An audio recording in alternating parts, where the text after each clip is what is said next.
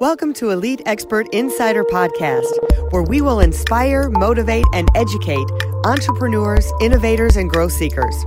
Brought to you by Elite Online Publishing, making the best and brightest in the industry number one best selling authors. 80% of people say they want to write a book. We're assuming that's the same for you. If so, contact us at www.eliteonlinepublishing.com and make your book a reality.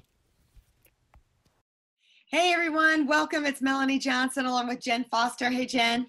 Hey, how's it going, everyone? It's going great. Remember to subscribe to our podcast. Hit that button because we always bring you great guests. We inform you, we inspire you, we motivate you. So make sure you subscribe, hit that button, and also share it with your friends. We would love that. And if you're thinking about writing a book, we would love to publish it for you. Jen and I own Elite Online Publishing, and we make every single one, yes, every single one of our authors number one bestsellers on Amazon. So we would love to talk to you if you're interested in writing a book or thinking about writing a book. Well, today, Today, we're going to talk about how you can turn your hobbies into a successful business. Wouldn't that be cool? Like you're doing something that you love, and then all of a sudden you can make money on it? That would be awesome. And then he started when he was 19, and what got him to be a successful entre- entrepreneur and sell his business already uh, was limitless thinking. And he wrote a book on limitless thinking. We have Jet, uh, Jet Jeet, I'm going to get it right, Jeet mm-hmm. Banerjee, and he's an author of two books, and he's here to share his wisdom on becoming an entrepreneur and how to turn your hobbies into a successful business. Welcome, Jeet. Yeah, thanks so much for having me. Excited to be on here. Great. Well, Jeet, tell us a little bit about your background and how you came to write these books and kind of the the way you got into this and writing the two books. Yeah, absolutely. So, um, so actually, my entrepreneurial journey began when I was about like 15 years old. So, I grew up in a very traditional family. So, my dad one day woke up, came to my room when I was in high school, and was like, "Hey, you need to go get a job." And he was just kind of on my case about it. So, I went out and I started getting like any job a 15 year old would get, pretty much like minimum wage, after school, part time stuff. And so, I got a bunch of these different jobs over the next two years of high school and something kept happening over and over again. I either get got fired from every job or kept quitting from every single job. And over two years, I had 12 job, 12 different jobs, which was not pretty uh, normal. And so eventually I got to the point where I was getting ready to apply to colleges and stuff like that when I was 17. But the idea, my whole plan in life now was, oh, I'm going to go to college, work a nine to five, and everything was going to be great. But now I became extremely fearful of the idea of working 40 hours a week when I couldn't work 10 to 12 hours a week part time. So I kind of just started one day trying to figure out what was wrong with me. So I almost started kind of Googling my so called symptoms. Uh, I went on um, Google and I ended up finding this video from Richard Branson where he kind of talked about how if you feel unemployable, you keep getting fired and you have these feelings, you probably destined to be an entrepreneur. And so at 17, I was like, man, that video really related to me. I've always been extremely impatient. And so for the first time, my impatience actually paid off because I was like, okay, it's time for me to go out and start my for uh, my own business. So at 17, I started my first business. Uh, it was like a multimedia agency. So we just did a lot of like web design, web development, and online marketing services for different people and uh, I ended up growing that company over the next two years to about 19 to 20 employees. Uh, and eventually, after two years, I also sold the business for a profit. So that was really what got me started and like it taught me a ton about entrepreneurship. Um, and that kind of led to like my own TED talk. And from there, that kind of uh, kind of catapulted me into learning and gaining all this information. And then I had a lot of other young entrepreneurs that kind of wanted to follow in my footsteps, which kind of led me to uh, writing the book that I wrote. So, how would you say, like, some, uh, we both have teenagers, Jen and I do. Mm-hmm. So, how would you advise someone, whether they're a teenager or in their 20s or 30s or reinventing themselves? What are some of the first steps to take from uh, having a hobby, having something that you love, and turning it into a business? Yeah, absolutely. I think the first thing uh, that you really have to do is you just have to find a way to make money doing it or make it profitable, so to speak. Because a lot of people have like great hobbies, whether it's like arts and crafts stuff or things that they're just very good at.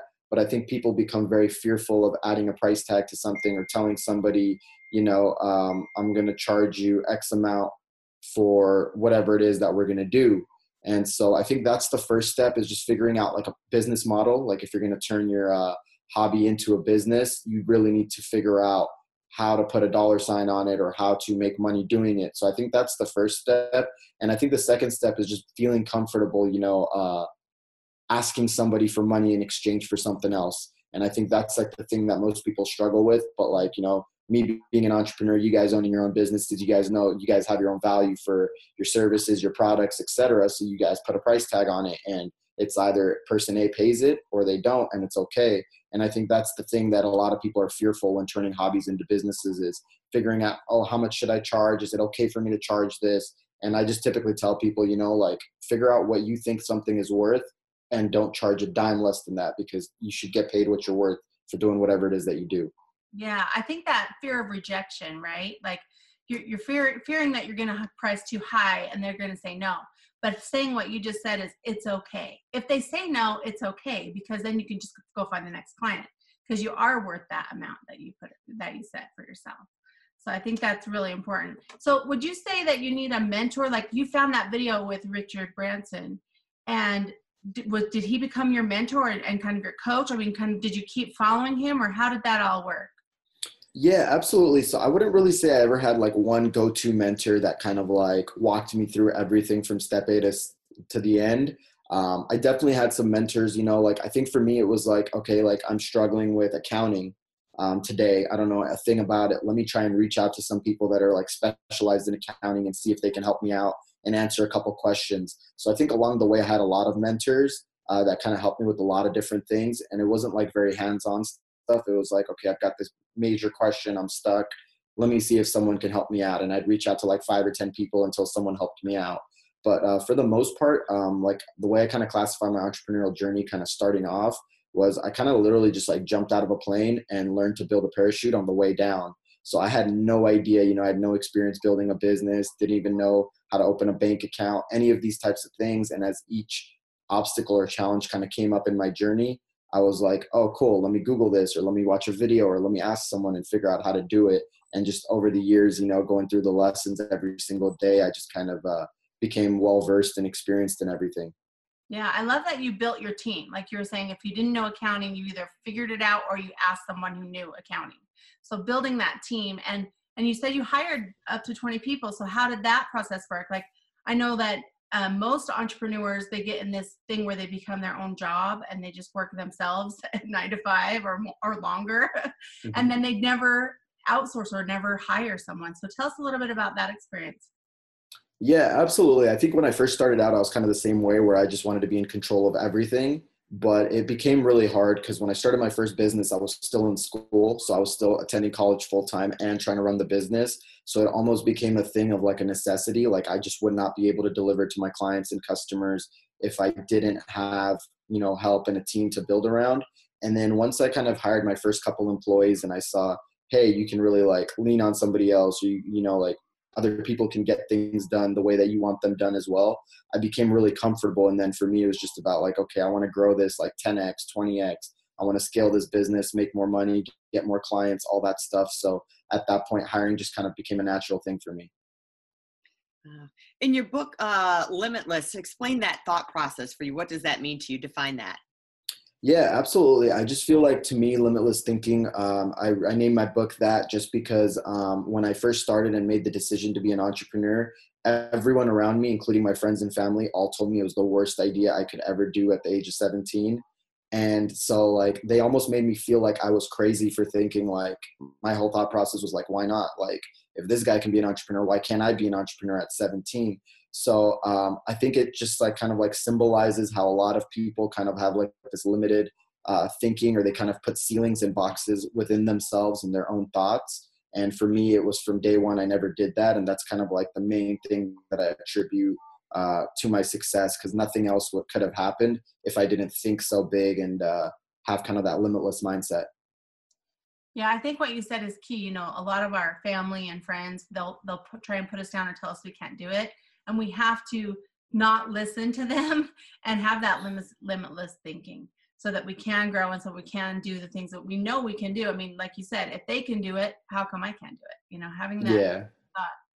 So, is there any books that you read that kind of helped you with this? I mean, you know, a lot of what you're talking about is in Think and Grow Rich. Did you? Is there any books that you had read? Um, yeah, so I had actually read Think and Grow Rich, but I don't think I read that one until I was like 2021. Uh, the first book that I read when I decided to become an entrepreneur was a book by MJ DeMarco called Millionaire Fastlane. Mm-hmm. And uh, that, that, was like um, an amazing book because a lot of the stuff that you know my friends and family were saying, like, "Oh no, you should go to college first. You should wait it out," yada yada yada. He kind of like dispelled those myths, and he kind of just like it's like almost a parallel of like working like a nine to five job versus being an entrepreneur and kind of showing like the course of life that those two paths go mm-hmm. through and so that one was like big for me because like it really validated a lot of the initial thoughts that i had in my own mind mm-hmm. That was a good question. And you know, entrepreneurs can be um, even. You know, my family business is uh, insurance. Well, when you're an insurance agent, or if you're a real estate agent, you're still an entrepreneur. You're running your own company, so to speak, even though you're working under an umbrella. Um, so there's so many different levels and types. It can be a hobby, but it may be still a business that you're still running your own business and making your own decisions on that. How did your uh, family react to your success once you started making it? Yeah, it was definitely something that uh, you know they they they quickly started supporting me. I think like initially their thing was like they they kind of thought it was it was just like a phase I was going through and that it was just gonna pass. So like initially they were just like, oh, as long as you're going to school, like everything's okay, it's all good. Um, and then once I kind of started achieving some success, and I eventually told them like, hey, I'm gonna drop out and stuff like that. They were they were still very very supportive of it, and still like to this day very proud of me and stuff like that. I think their whole concern from the beginning was that, you know, like they just kind of wanted the best for me and they just didn't want me to like make a rash or illogical decision that affects the rest of my life. So I really understood where they kind of came from initially, but I think now it's uh like, you know, they have like the utmost confidence in me and they're like extremely happy with, you know, the path that I'm taking and what I'm doing. And I think a part of it is also it's like an educational process for them as well to really understand what it is that entails kind of entrepreneurship because they themselves didn't really know it that well. So uh, yeah, absolutely. Yeah, and, and talking about your other book, The Pursuit of Passion, you know, I think a lot of people get stuck, whether they're in a job or they've created a business that they actually don't like like anymore. So they're not passionate about it, and then that's why they don't grow. So I know I know for me, uh, this last five years with helping other people publish their books, I've had a passion for that and it's really helped my business grow. Where I, I was like you, I did like a web design marketing type SEO company and, and it was fun getting people top of Google search, but I didn't have that passion as much as I do for publishing authors. And so i didn't get i didn't really get it to grow. So tell us a little bit about like how to get unstuck or how do you you decide like okay i'm going to go for my passion now? You know how do you how do you do that transition? Mm-hmm.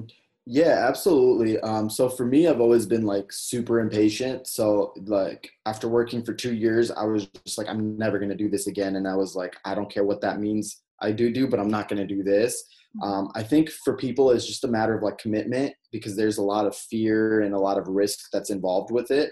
But to me, I've always said, you know, I'd rather I'd rather do something extremely risky and enjoy every bit of it than live extremely secure, hating every moment of it. And so I think like kind of with like what you said as well, like when you when you work on something that's kind of like your passion, it doesn't really even feel like work. Like to me, like every day, it's like I don't care if it's Monday or if it's Saturday. Like it's not really work to me, and I enjoy every minute of it. So it's extremely easy for me to kind of wake up and do the things that I want to do. But for a lot of people, you know, who are kind of like creating this definitive schedule in their mind because they they're trying to escape that work or that nine to five or whatever it is it ends up being extremely like traumatizing almost or stressful for them and so i think the biggest thing is like people just have to kind of take a leap of faith and just kind of remind themselves like you know we only get one life and uh, um, sometimes it's going to be scary sometimes it's going to be risky and stuff like that but as long as we kind of put our mind to it and uh, and sometimes you can just even take baby steps like a lot of people come to me with advice and i never tell them quit your job or drop out of school or do something that rash. It's just like okay create a couple extra hours a day and just work on this passion of yours and see what happens. And then once your passion gets bigger than your nine to five or your school degree or whatever it is, then you can go all in. So that'd probably be my best advice. That's good advice. So tell us, um, what is some of the great technology that you're using in your company now? What's working for you tech wise and social media wise? Yeah, absolutely. Um, so tech wise, I'm super excited about like artificial intelligence. Uh, I think that's like really going to be the new wave in the future. So we're finding like different ways to uh, implement those technologies to kind of whether it's like automate our marketing or even automate stuff within uh, the businesses themselves. Um, and in terms of like social media marketing, I'm um, super excited about kind of like um, Instagram. I think Instagram has a lot of potential, especially with like influencer marketing and stuff like that. I think that's kind of like the new wave of marketing, and there's a lot of potential with it. And uh, another thing that we really use heavily within our businesses right now. Yeah. Go a little deeper into the AI. How are you? Um, you, some of the tools that you're using in AI. Is there any specific things that you can point people to that they can look up themselves to maybe use for their business? Yeah, absolutely. So what we've been kind of uh, in the process of doing is we're kind of developing some um, AI tools that are going to help us like document. I mean, uh, kind of help us automate a lot of the processes, such as like hiring, or some of the processes such as um, like we do a lot of stuff with software, so like documentation of like everything that's done uh, is extremely important. So we're kind of building out these technologies where instead of us having to hire somebody that's got to sit there and kind of do these tedious tasks all day long we're kind of using artificial intelligence to automate a lot of this stuff. So a lot of the stuff that we do is kind of like built internally in house, just because it's like very specific for our business. But um, I think like for people that are just kind of looking into AI stuff, I think there's a lot of like good resources out there, like free resources out there where people can learn how to kind of implement AI into their businesses or stuff like that. So I'd kind of recommend people to kind of start there. Okay. Yeah. Data. Yeah, one of the fun ones that we like, I don't know if you've heard of this app or not. It's a website too, but it's otter, O T T E R dot mm-hmm. AI. And it's an artificial intelligence that will transcribe anything that you speak or record. So it's pretty cool because you can get uh, transcription very easily now with talk to text. And so we really like that. So tell us a little bit about what you're working on now and what services you offer yeah, absolutely. Um, so right now I'm kind of working mainly on one of my passion projects, which is called the Income Incubator. And so over the years, I've had a lot of people that have kind of come to me that have asked me for help with what starting a business and kind of getting their ideas off the ground. And I've been fortunate enough to launch like 10 different companies in the last eight years. Um, I've had a lot of failures, have had a lot of successes, sold two companies. And so I pretty much decided to put together kind of like an academy that I look at as like an alternative to college uh, for a lot of people. And so, pretty much in this academy, I teach people uh, seven different business models that I achieved great success with. And I just kind of teach it from start to finish and kind of mentor students and all that kind of stuff. So, uh, that's kind of been a passion project of mine that I've been working on very heavily. And uh, yeah, and it's a and it's an awesome uh, venture. We've already had a lot of students that have had successes uh, starting six figure, seven figure businesses. So it's been super exciting. Great. Where can people go to find that? Uh, yeah, they can just check out the website. It's called theincomeincubator.com. So T H E I N C O M E I N C U B A T O R.com. Great. Well, we'll put that link up at the bottom and in the show notes. Uh, it's Income Incubator or theincomeincubator.com. Mm-hmm. Yep. Awesome. Is there anywhere else that people can go to find more about you?